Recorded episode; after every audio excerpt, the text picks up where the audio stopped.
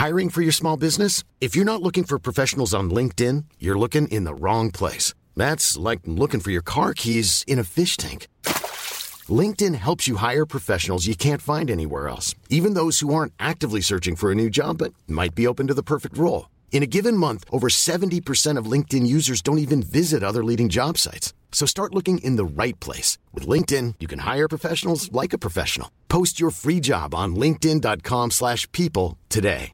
Mother's Day is around the corner. Find the perfect gift for the mom in your life with a stunning piece of jewelry from Blue Nile. From timeless pearls to dazzling gemstones, Blue Nile has something she'll adore. Need it fast? Most items can ship overnight. Plus, enjoy guaranteed free shipping and returns. Don't miss our special Mother's Day deals. Save big on the season's most beautiful trends. For a limited time, get up to 50% off by going to BlueNile.com.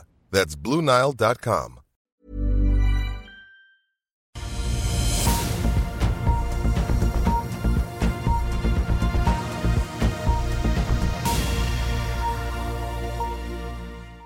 Velkommen til oss i Finansavisen eh, og til dag to av Paretos energikonferanse, som er eh, i gang igjen her på Holmenkollen Park Scandic hotell, og som er den 29. i rekken, og som også er tilbake igjen her etter to år med pandemi. I dag er det shipping som gjelder på konferansen, og det skal vi høre mer om straks. Vi får også besøk av Paretos energi- og oljeanalytiker Nadia Wiggen, som skal gi oss eh, siste nytt om olje- og gassmarkedene.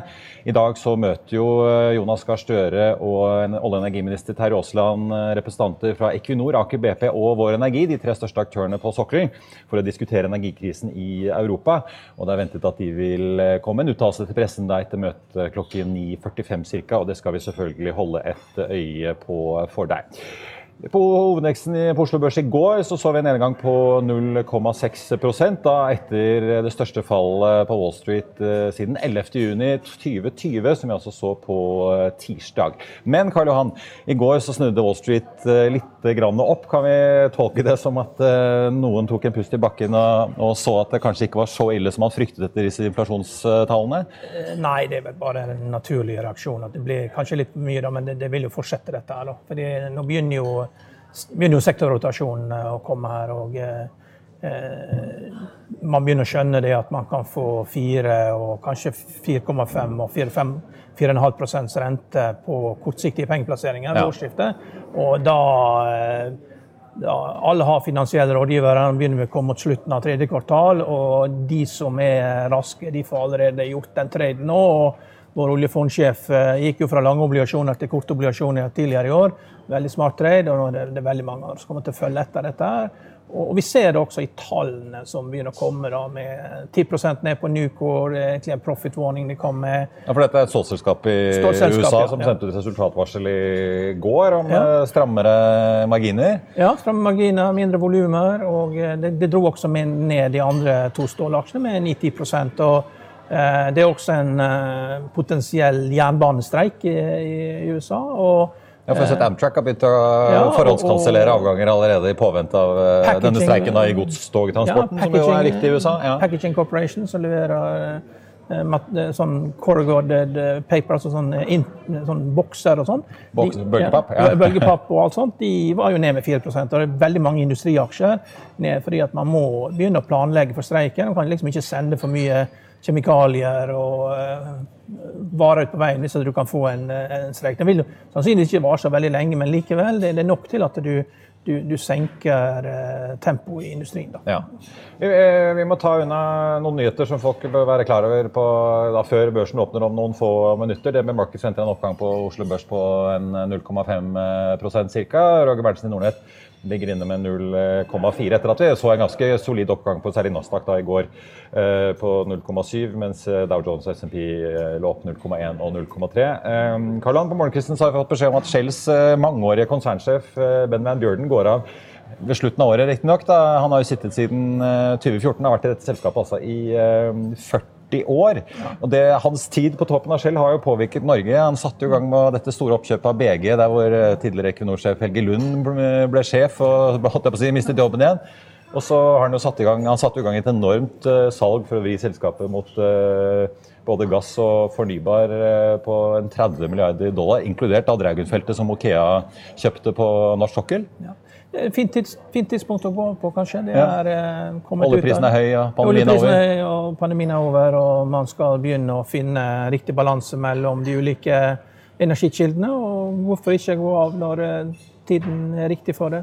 Ja. Ja. Og det er altså gass- og fornybarsjef ja. uh, må uttale riktig, Vail. Savan, håper jeg uttaler det riktig, som eh, skal ta over. Han kommer altså fra jobben som leder for gass og fornybar i Shell. En børsmelding som vi virkelig må få med oss, er Meltwater.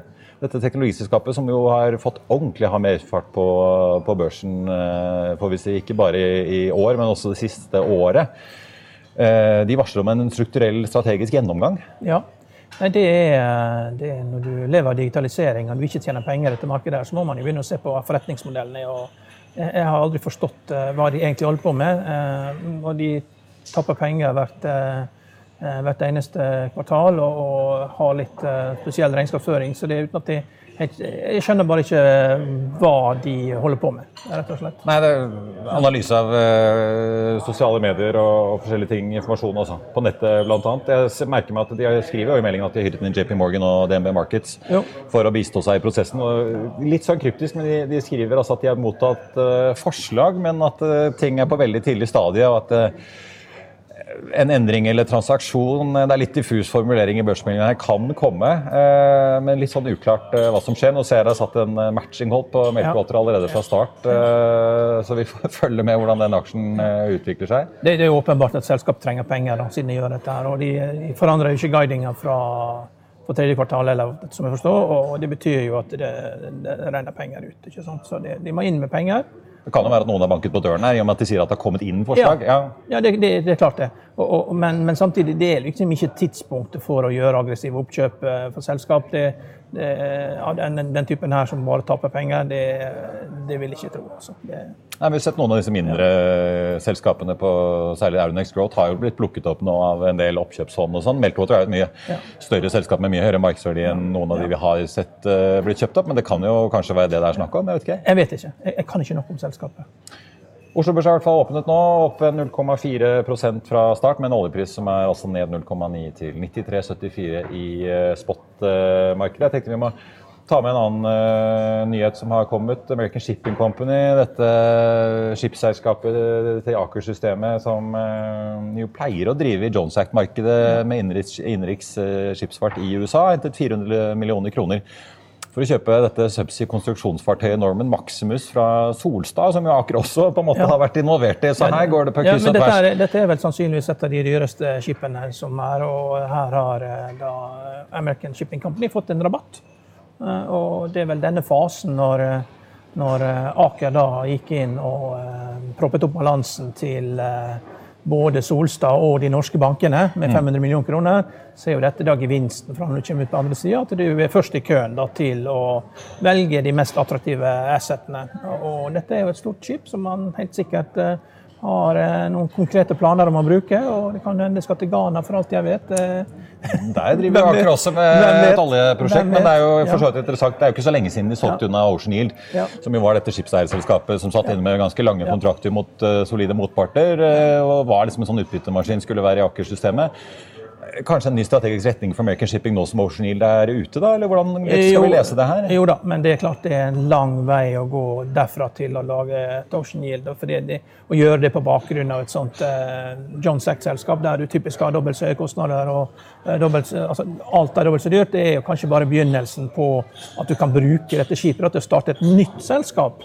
Uh, så du spinner ut dette her. For det, det, du får ikke så fantastisk gode terms på et Jones Act-selskap. Det Nei. gjør du ikke. Nei, så Det kan jo være at det skjer ting uh, videre. American ja. Shipping uh, hentet da penger på 36 kroner aksjen og ligger inne på 37,45 ser jeg her nå på Oslo Børs som mest omsatt aksjen ned da 5,5 uh, ser vi ellers på listen. Equinor så vidt opp ja, 0,9 nå. Frontline 1,3. Hydro opp 0,9, Aker BP i 0 og Yara opp 0,3. Og så er det jo da selvfølgelig Meltwater, som det ser ut som nå er tilbake i handelen. Det, i hvert fall, det rører seg på eh, skjermen her. Opp da 23,9 eh, foreløpig. sikkert noe som kommer til å svinge litt utover dagen, gitt av meldingen om en strategisk gjennomgang. Men det at den stiger så mye, er vel kanskje spekulasjon på at her kommer det et oppkjøp? Ja, det virker som noen vet at det kommer et oppkjøp. altså. Det, ja. det, det virker sånn, altså. Får, og det er jo veldig positivt da, at du, at du får selskap som sliter, blir kjøpt opp. Det er, jo, det er, jo, det beste av alt. Det er jo veldig positivt. Og Det har jo vært snakket om at en del av disse ja. tech- og vekstselskapene som sliter, eh, kommer til å oppleve litt bunnfiske. Ja, Så får vi se om det utspiller seg nå. Ja.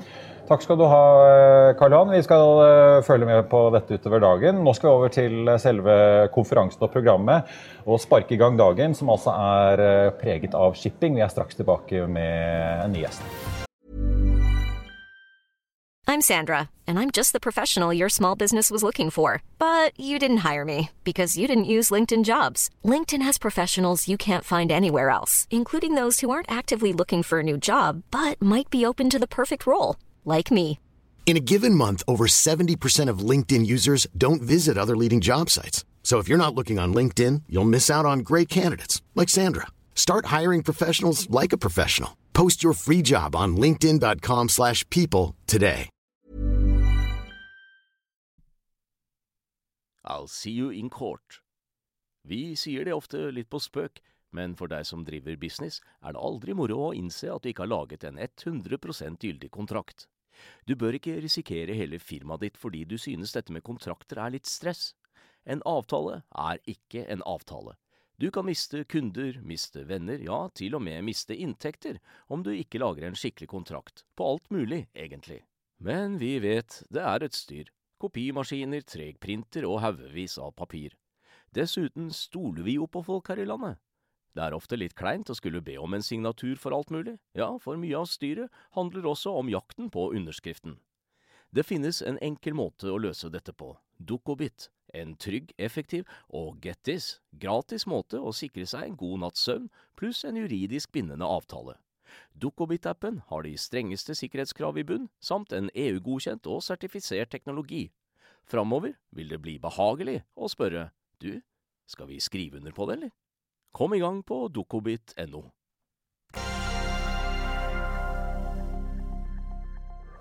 Da er vi i gang med dag to av Pareto-konferansen. Og etter at eh, olje- og gass- og offshorebransjen fikk eh, frese fra seg eh, med godt humør i går med de gode tidene de opplever, så er det i dag shipping. Folkets tur. Erik Håvassen, analysesjef i Pareto Securities. Vi må sparke dagen litt i gang og varme opp. Mm.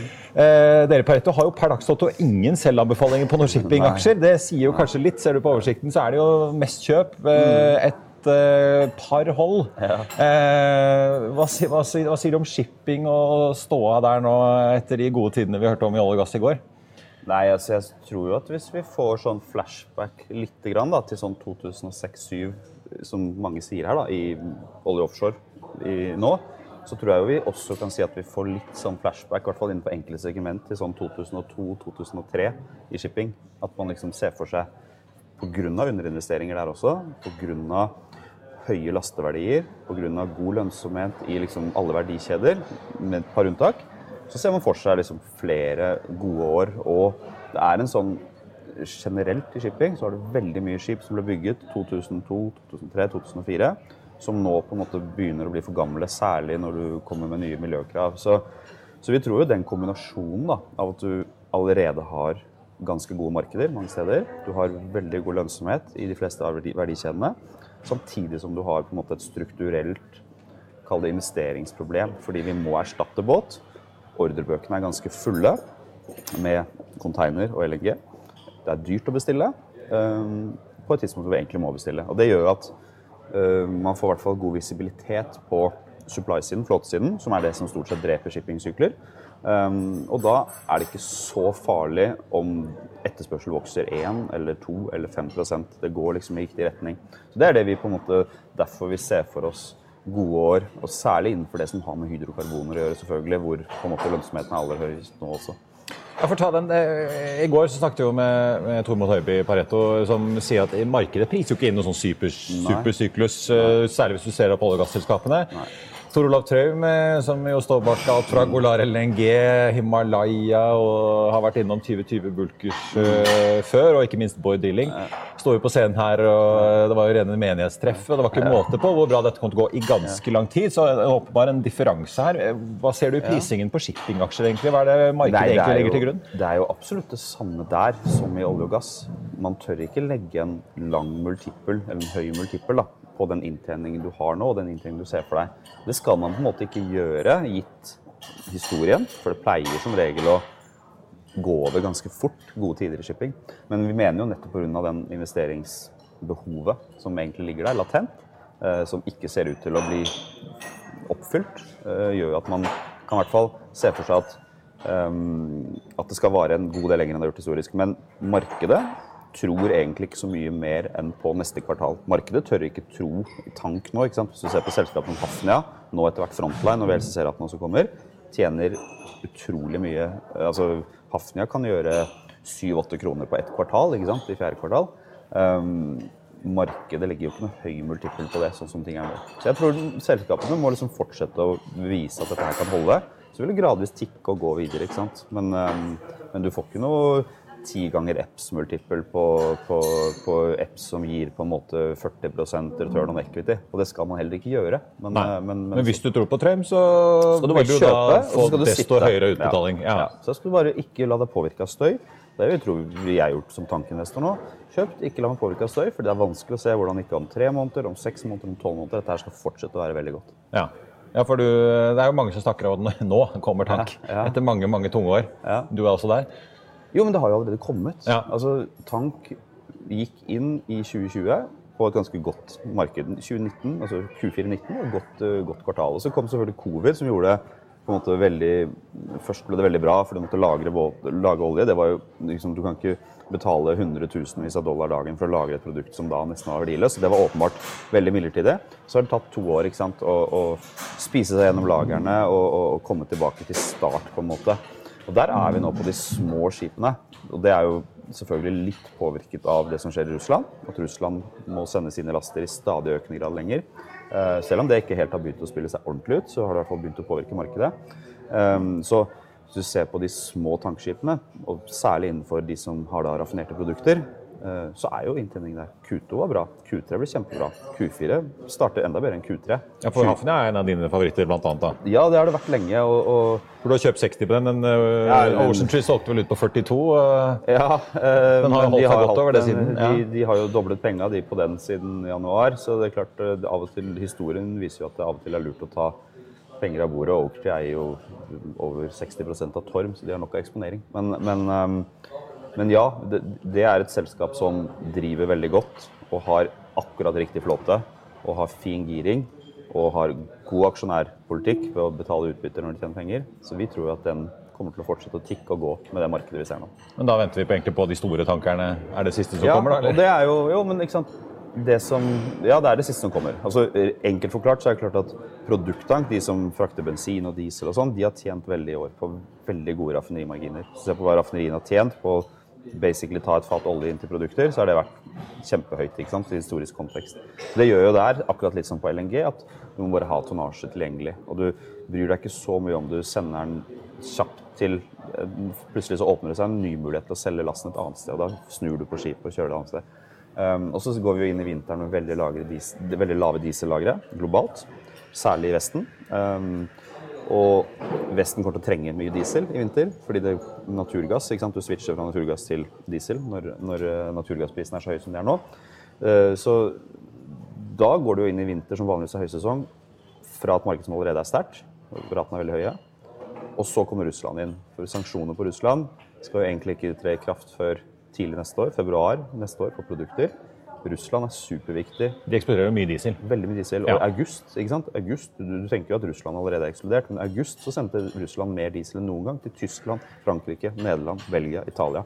Så alle disse landene her Ironien er jo til å ta og føle på. Ja. ikke sant? Det er, ja, det er akkurat det. Eh, Så det som kommer til å skje, det du har sett, er at de sender diesel til Sør-Amerika. De sendte faktisk diesel til Abu Dhabi, og så sender Saudi-Arabia diesel tilbake til Europa.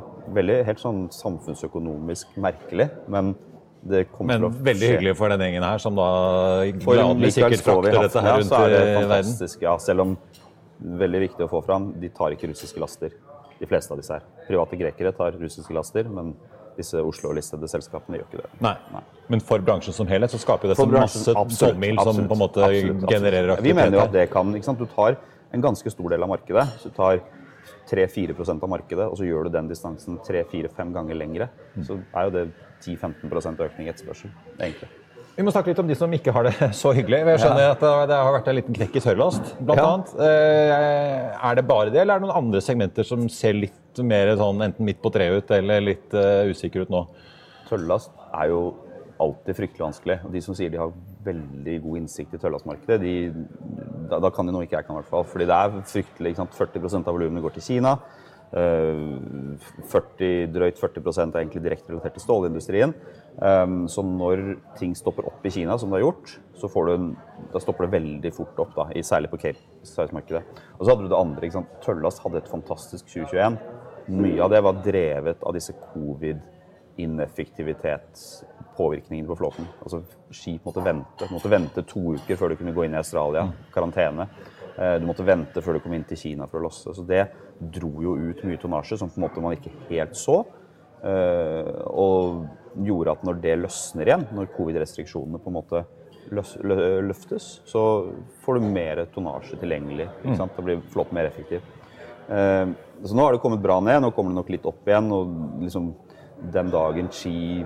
Det er mye snakk om han skal bli gjenvalgt? I, i oktober, og da kanskje skapper hele Ja, hvis Kina åpner opp igjen og slutter med alle disse tiltakene, ja. på. Men, men igjen, vi har jo vi har mye asiatiske investorer faktisk en del som er her også, som sitter veldig close på det kinesiske eiendomsmarkedet, som har påvirket børsene der borte veldig. Hongkong-børsen. Um, og det jo ikke, ser jo ikke kjempelystig ut. da. Så sånn ståletterspørselen i Kina det er jo vanskelig å være veldig bull på den, for, for meg i hvert fall. Men du har holdt på Golden Ocean kjøp på 2020 Bulkers. Er det, Ja. noe, er det en veldig selskapsspesifikk ting som gjør at det er en differanse der, eller? Nei, men 2020 har jo på en måte Det er som et KS. Du kjøper egentlig en liten skipsandel, og så vet du at du de betaler ut alt, til og med hver måned. Så, og så har du veldig gode skip som er kjøpt på veldig riktig tidspunkt, så din break-even er veldig lav. Så du tjener penger nær sagt uansett. Hvis Baltic Cape Index er 15 5000 dollar dagen, som på en måte for et snittskip da skulle tilsi OPEX, så vil fortsatt 2020 kunne betale litt dividende. Og de gjør det. Han har liksom sagt vi skal ikke investere, vi skal ikke gjøre noe. Så Golden Ocean er litt vanskeligere fordi den på en måte prises litt høyere mot Nav. og er på en måte mer et direkte derivat på markedet. Men for all del, Golden Ocean i dag er ikke priset kjempehøyt. Og hvis du tror liksom på at kanskje ting kommer litt i Q4, så er ikke det den dummeste aksjen å eie. Absolutt. Men, men um, det er god balanse, ikke sant. Um, men jeg syns på en måte det er tryggere. Jeg ville sovet bedre om natten da, som aksjonær i 2020 Bulkers enn i Golden Ocean. Det er fair. Eh, kort til slutt. Tonnasje er jo alltid en viktig driver her for ja. rater. Eh, jeg har jo hørt at det er liksom container hvor det er på vei inn en del ny tonnasje. Er det noen andre segmenter eh, hvor det er tonnasje på vei inn som eh, kan på en måte øke kapasiteten, Nei. og derav også på en måte vanne ut eh, rater? Ja, det, så det er jo LNG. da. LNG har jo en ordrebok på 40 pluss av eksisterende flåte, og det kommer masse mer. Og når Eh, begynner det å komme inn? Nei, det kommer Det er, det er sånn litt mindre vekst nå de neste par kvartalene. Ja. Altså fra 2024, 2025, 2026.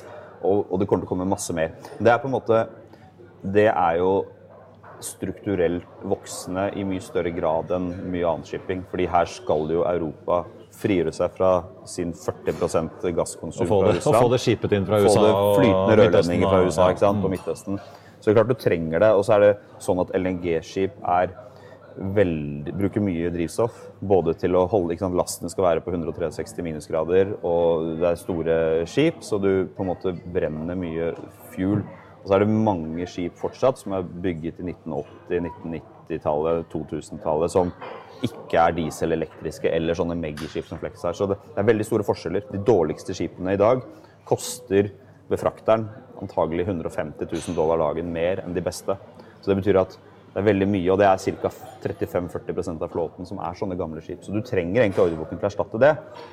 Men jeg føler jo at det som skjer nå i LNG-markedet, det er mest drevet av veldig høye verdier på lastene. Altså at du sitter Hvis, hvis vi to kunne kjøpt en last i USA, og solgt den i Europa, så hadde vi tjent 200 millioner dollar på én last. Hvordan kan jeg komme meg inn i det gamet? Nei, det, Da får du får snakke med han som snakker fra Trafigura her. Ja, han, som, ja. han, som, gjør det. Ja. Men, men uh, Så da, når du har det markedet, så kan du ikke risikere å ikke ha båt. Ikke sant? Og da, blir det da helt blir, sånne ville ja, Så det er ingen ja. som subletter båter. Det er ingenting, sant? Så det er ikke tilgjengelig båt. For du vet at hvis du kan tjene 150-200 millioner dollar på én reise, så kan du egentlig ha en båt liggende 340 dager i året. Og så har du liksom betalt tilbake alt du, alt du har brukt på den båten i mange år på den ene toukersreisen. Så det er litt det som drar markedet nå. Så den dagen gassprisen eventuelt kommer ned, enten fordi vi klarer å løse krisen ved fornybare investeringer, eller Russland på en eller annen uforklarlig måte kommer tilbake, ehm, så vil også LNG-fraktratene komme ned. Det er jo ganske overbevist om. Erik Håvaldsen eh, i Pareto, takk for skal vi si, startpakken på dag to, shippingdagen her i Holmenkollen. Da skal vi snakke olje og eh, gass. Nå på morgenkvisten så har jo det altså vært et eh, møte mellom olje- og gassgiganten Aker BP, Equinor og Vår Energi og den norske regjeringen da ved Jonas Gahr Støre og eh, Terje Aasland.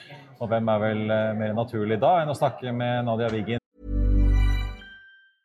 Small details are big surfaces. Tight corners are odd shapes. Flat, rounded, textured or tall. Whatever your next project, there's a spray paint pattern that's just right because Rust new Custom Spray 5 and 1 gives you control with five different spray patterns. So you can tackle nooks, crannies, edges, and curves without worrying about drips, runs, uneven coverage, or anything else. Custom Spray 5 and 1. Only from Rust energianalytiker i Pareto Securities. Nadia, welcome and good morning. Thank you. Thank you very much. So let's start off with the, the maybe not so concrete things that came out of the meeting, uh, but some signals at least. Aker CEO is uh, fairly, you know, upfront about Aker BP wanting more long-term contracts with their counterparts in Europe uh, to sort of stabilize uh, gas market, it seems. But uh, even Ericsson was quite, you know, frank about them not really seeing who's going to be their counterparty, given that a lot of these customers in Europe are struggling with uh, big exposures uh, financially that they have to cover and, and margin calls and, and uh, whatnot. We're seeing now the German government has already bailed out Uniper, uh, the company owned by Fortum, and uh, it seems also like they're moving to take a stake in, in uh, the German gas company VNG now. Where do you see this going? Are we seeing a sort of comeback in the market for Norway towards long-term contracts like we used to have?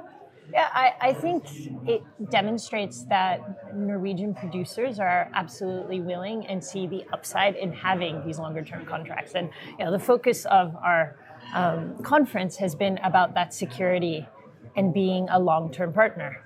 Um, on the other hand, it also reflects the reality of the credit situation and that liquidity situation. And this is something that you know the power companies in particular have been facing. It doesn't mean that all the traders are facing this or, or things like that. But of course, when you're facing the other side on a long-term contract, that is a big credit risk, and somebody solid needs to be there. The German government, though, of course, can be that backstop, and holding a big stake in BNG helps that. Or, of course, they can always uh, sign a letter guaranteeing. And this is something that we see happening all the time in emerging markets, for example. Yeah. You and normally we, need a sovereign stepping in and supporting. It seems crazy that we need that in Europe, but you know this is an extreme situation right now. But we have seen that in the power markets. Both Sweden, Finland, yes. Denmark have all stepped in and provided guarantees worth hundreds of billions yes. of kroners uh, lately for, for the power trading and going on at Nasdaq. So yeah. I mean, this might transfer over to gas markets if things don't improve soon. And and it makes sense, and it actually could be really good in terms of that medium-term outlook for producers if they can have these very long-term contracts because it guarantees some demand in Europe that is nearby instead of just building things up and then seeing that okay because we build things up it comes online but we're looking at you know 20 years of production right? So it's to get used to that longer term contract i think is very good and it of course prevents some of this volatility that uh, you know that has been the biggest problem for everyone. But could we now see uh, the oil and gas industry in norway experience a change in their customer relationships uh, that Europe is actually willing to commit to long, more long-term contracts so that in order they can actually also commit to more long-term projects on the Norwegian continental shelf in terms of exploration, building out new greenfield projects and not just these satellites and brownfield uh, expansions? Exactly. This, in our view, needs to be the objective. And so finding a way to do that. And of course, there is this understanding from the political side, from Støre and from Habeck, the Vice Chancellor of Germany, who spoke at our conference yesterday, that we need to have reasonable prices to facilitate the demand destruction necessary. Habeck actually said this mm. yesterday, you know, which means that okay, they don't want a very low cap. Of course, EU couldn't come up with a cap in, in the end yesterday, at least we'll see. Um, but that they need to allow that demand destruction. But we also don't want to break the consumer, and we also don't want to break the relationships between the companies. And you know, this is where Asia has had such an advantage to Europe during this crisis because they have the long-term contracts, right? So they can choose whether to take what they are allocated or not. In terms and then, of LNG, right? yeah, exactly. And then you know that excess can come here, and that is a very much more comfortable position. And A I think we know we need this. in, it eh, seems these days. Eh, exactly. So I, I think that is a, a much better way of thinking about it. And, and when we think about you know, the impact on the P&Ls of companies and how, how is that done? You know, at what price level would things be set? You know, this is what they assess. It's kind of the way banking works, right? If you don't have money up front for the full mortgage, you know, you take out a mortgage and then you lock in a higher cost later on. And So that is actually- just how we need to think about it, right? And that they can then think about their projects or their costs and, and things like that. The Equinor uh, CFO Ulrika Fern yesterday, she was saying how yes, they are facing more cost um, pressures, but they are mainly in energy, and of course, then they get that upside in energy, so they can plan for it. And that's where you know the main thing companies need on the renewable side, on the gas side, on the oil side is concrete terms that they can work with and understand where we're going. And that might be materializing now then. Exactly. Yeah. So it's um, We have to move on to shipping being the big Mm-hmm. Yes. topic of day two here at the, here at the conference. Um, yesterday you had a talk that I listened to uh, with the chief economist of Trafigura, one of the big trading houses in this world, uh, who was quite open about them. You know, they sold a, uh, a, um, a, a shipment of uh, diesel from Russia to Ecuador, which got some attention, obviously. In these uh, times, uh, Europe doesn't want to buy anymore, at least in the future, so these volumes are moving elsewhere. Uh, at the same time, he said Ecuador doesn't seem to be wanting to buy any more diesel from, from Russia. Talk about uh, how shipping is affected now by the sanctions going on in the world. Are they able to operate and are they sort of voluntarily limiting where they ship things from Russia or so so up to now we've actually seen quite a lot of volumes moving out of Russia still into Europe. Much more than maybe the market had initially perceived when the sanctions came forward. And of course there's a difference between a sanction and a complete embargo, which means it's not allowed to go anywhere. Like you know, we've seen at times with Iran and uh, other countries, or you know, South Africa during apartheid, when nothing was allowed to go there. So we have actually seen oil, both on the product side and on the crude side, still moving out of Russia. Um, however, it is falling, and by mid-November, on things like diesel, you will no longer be able to deliver Russian um, refined crude into the contract, right? So even though the sanctions technically kick in at year end, start of next year, you already can't have that delivering in because of storage and, and things like that. So that's when we think we'll start to see that real inflection point. We've already seen some volumes being diverted to other places, you know, India, China on the crude side, and Turkey, but not, not so much on the product side because they're normally net exporters of these products, right? And they've been hoarding a bit, to be honest, over the summer. And they haven't been exporting products, which is why things have been so expensive. Now, what we expect is that this will flow increasingly to Latin America as that untouched region um, in terms of the sanctions. And they're, you know, Ecuador, like that example, you know, that is a country that has a very close relationship with the US. Their currency is based on the US dollar. So, on the one hand, if anyone was going to say no, I'm not shocked it's the Ecuadorians, although you know they've had a terrible financial situation. You know during COVID, things like that, their sovereign bonds, all of that has been really in a lot of trouble. So they could use that discount on Russian crude and products, right? Because it is discounted thirty dollars, thirty percent, twenty five percent versus the overall market price. Um, but of course, they're US dollar linked, so that US dollar strength doesn't affect them adversely. I don't think we can take that as an example of what will happen in other Latin American countries. I think they will absolutely be buying, especially NAFTA, um, LPG, that that will absolutely uh, need to go there as an outlet, and it's less efficient ton miles, so it's bullish for shipping. Right. Absolutely, and then we will need to import more from China, India, and the U.S. to compensate for that. And these are, you know, even though shipping companies might not be trading directly with Russia or Russian companies, they're still benefiting from it because they can then transport other distances Exactly, and and the way initially As a when- ripple effect almost, exactly, yeah. and initially everyone was very nervous. Could they take Russian crude? Could they take Russian products? And then you know the Chinese and the Russians were kind of guaranteeing the ships, and it, it has worked itself out. There's definitely enough volumes for the rest of the market to take care of in a in a safe way. Um, Now, the last thing I want to go into is, is uh, crude prices and gas prices. Now moving into the wintertime, we've seen uh, oil prices last week fell below $90, at least for Brent, for the 1st time Mhm. since uh, early this year. Uh, what are the sort of main drivers that could push oil prices up or down now moving forward? Yeah. Is it uh, Iran and China, basically? Or? Well, I mean, I think Iran.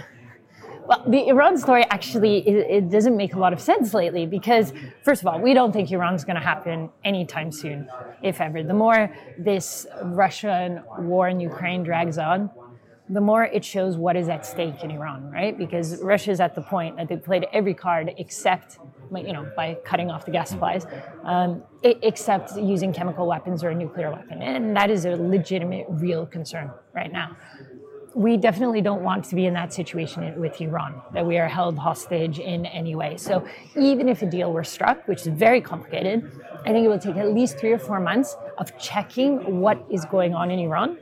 And then, well, are they happy with what they find in Iran? You know, so I think that is very postponed. But the market, the way it's reacting, it's like a deal in Iran is bearish on the oil price, no deal, and the oil price barely moves.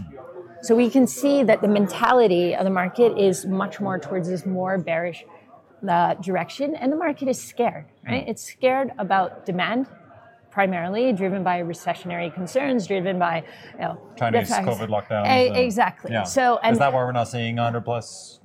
yeah, I, that, that that that is definitely uh, the number one reason. I mean, yeah, we see OPEC production falling significantly. Nigeria is under one million barrels per day now. So, but at the same time, we're having maintenance season in refineries, right? And China, in particular, hasn't been exporting products. They're not granting the quotas. They're sitting on the world's spare refining capacity to make all the diesel we need for the winter because of gas to oil switching. You know, that is around 550,000 barrels per day of additional oil market demand that we see coming this winter over last winter when things were already very expensive. You know, there are German companies installing um, switching capacity to have to run diesel in, instead of being based on gas. And once you make that investment, you need to run it for two years to get your money back. And so they want to be more flexible to switch between oil and gas which um, you know which makes sense right when you have different sources of supply you're in a more stable situation which is another reason why these long-term contracts are a good idea if it is going to be a part of this switching situation like we uh, against oil um, for traders so i think we have to get through this lull in the maintenance season, things to ramp up for us to see that we will have enough gas to get through the winter with some demand destruction, probably 10% in our view. We'll get enough diesel into the market that it doesn't crack things, and you know a ramp up in China will absolutely help ease that fear. So hopefully. You know, she's reelected probably 31st October, that's the rumor. So hopefully by January, they will start to run things more normally. It might be later in the first quarter because it depends when their mRNA vaccine rollout is really effective, but then things should really be booming. So our outlook from a price perspective is $120 a barrel for next year. You know, so that's, uh, you know, there's a lot of opportunity there. Uh, I'm sure a lot of people at the conference is, uh, will gladly take $120 a yeah, barrel. I mean, I think actually a lot of producers are extremely happy at uh, $93 a barrel, let's be honest, you know. Nadia Wiggin, So, thank you yes. uh, so much for joining us. Thank you. Velkommen tilbake. Vi må nesten eh, Vi kan ta unna hovedindeksen kanskje først. Eh, den er da oppe 0,3% nå. Etter da fallet på 0,6 i går og oppgangen på Wall Street. Så dermed ser det ut til at eh, den verste bølgen fra tidligere uken kanskje har lagt seg. Oljeprisen ligger nå på 94,04, ned 0,6% Vi må ta med Meltwater, altså, som varsler en strategisk gjennomgang av selskapets muligheter, og skriver at de har fått noen innkomne forslag, uten å spesifisere hva det er. De har da hyret inn JP Morgan og DNB Markets til å bistå seg i prosessen. Den aksjen ble jo pauset litt i starten, men eh, går som en kule fortsatt, opp 23,8 eh, på Oslo eh, Børs altså fra start. Så åpenbart at her er det mange som spekulerer i at det kanskje kan skje noe som vil være positivt for aksjen. Foreløpig omsetning er på 513 000 kroner, så det er i hvert fall en del eh, Nei, unnskyld, 4,9 millioner kroner. Så eh, i hvert fall litt volum å snakke om i den aksjen eh, der. Så får vi ta med American Shipping Company, altså, som har hentet 400 millioner til å delfinansiere kjøpet av Norman Maximus fra Solstad. De hentet da penger på 36 kroner, den ligger nå på 36,95 på Oslo Børs ned nesten 7% altså. Ellers så får vi ta med Norsk Hydro, som er opp nesten 1 i dag. Det er jo flere i metallbransjen som har kommet med resultatvarsel i USA. Både Arconic i aluminiumsbransjen og også da Nucor i stålbransjen i eh, USA, som varsler om eh, strammere tider fremover. Så kan vi også ta med Danske Bank, som er ute med en nedgradering på Telenor. De kutter kursmålet fra 125 til 115 kroner og beholder holdanbefalingen sin rett før da Telenor avholder kapitalmarkedsdag på tirsdag til uken den 20. september. Danske Bank eh, mener at topplinjeestimatene er litt for optimistiske i eh, Telenor, og mener også at vi vil se Telenor distansere seg ytterligere fra virksomheten i Asia på kapitalmarkedsdagen. De har jo da annonsert tidligere to fusjoner i eh, bl.a. Malaysia og i Thailand. Og så går alle da og venter på hva de bl.a. skal gjøre i Pakistan.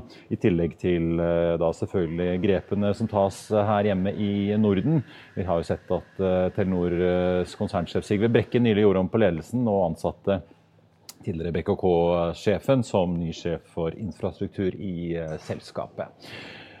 Da tenker jeg at vi avrunder her nå. Etterpå i dag eh, klokken 14.30 i Økonominyhetene så får vi bl.a. besøk av Otovo-sjef Andreas eh, Torsheim og Hydros batterisjef. Så da blir det litt grønnere profil på eh, praten.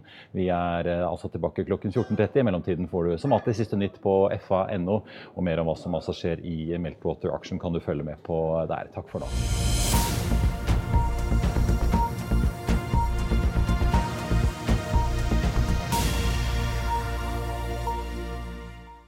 Økonominyhetene er en podkast fra Finansavisen. Programledere er Marius Lorentzen, Stein Ove Haugen og Benedikte Storm Bamvik. Produsenter er Lars Brenden Skram og Bashar Johar.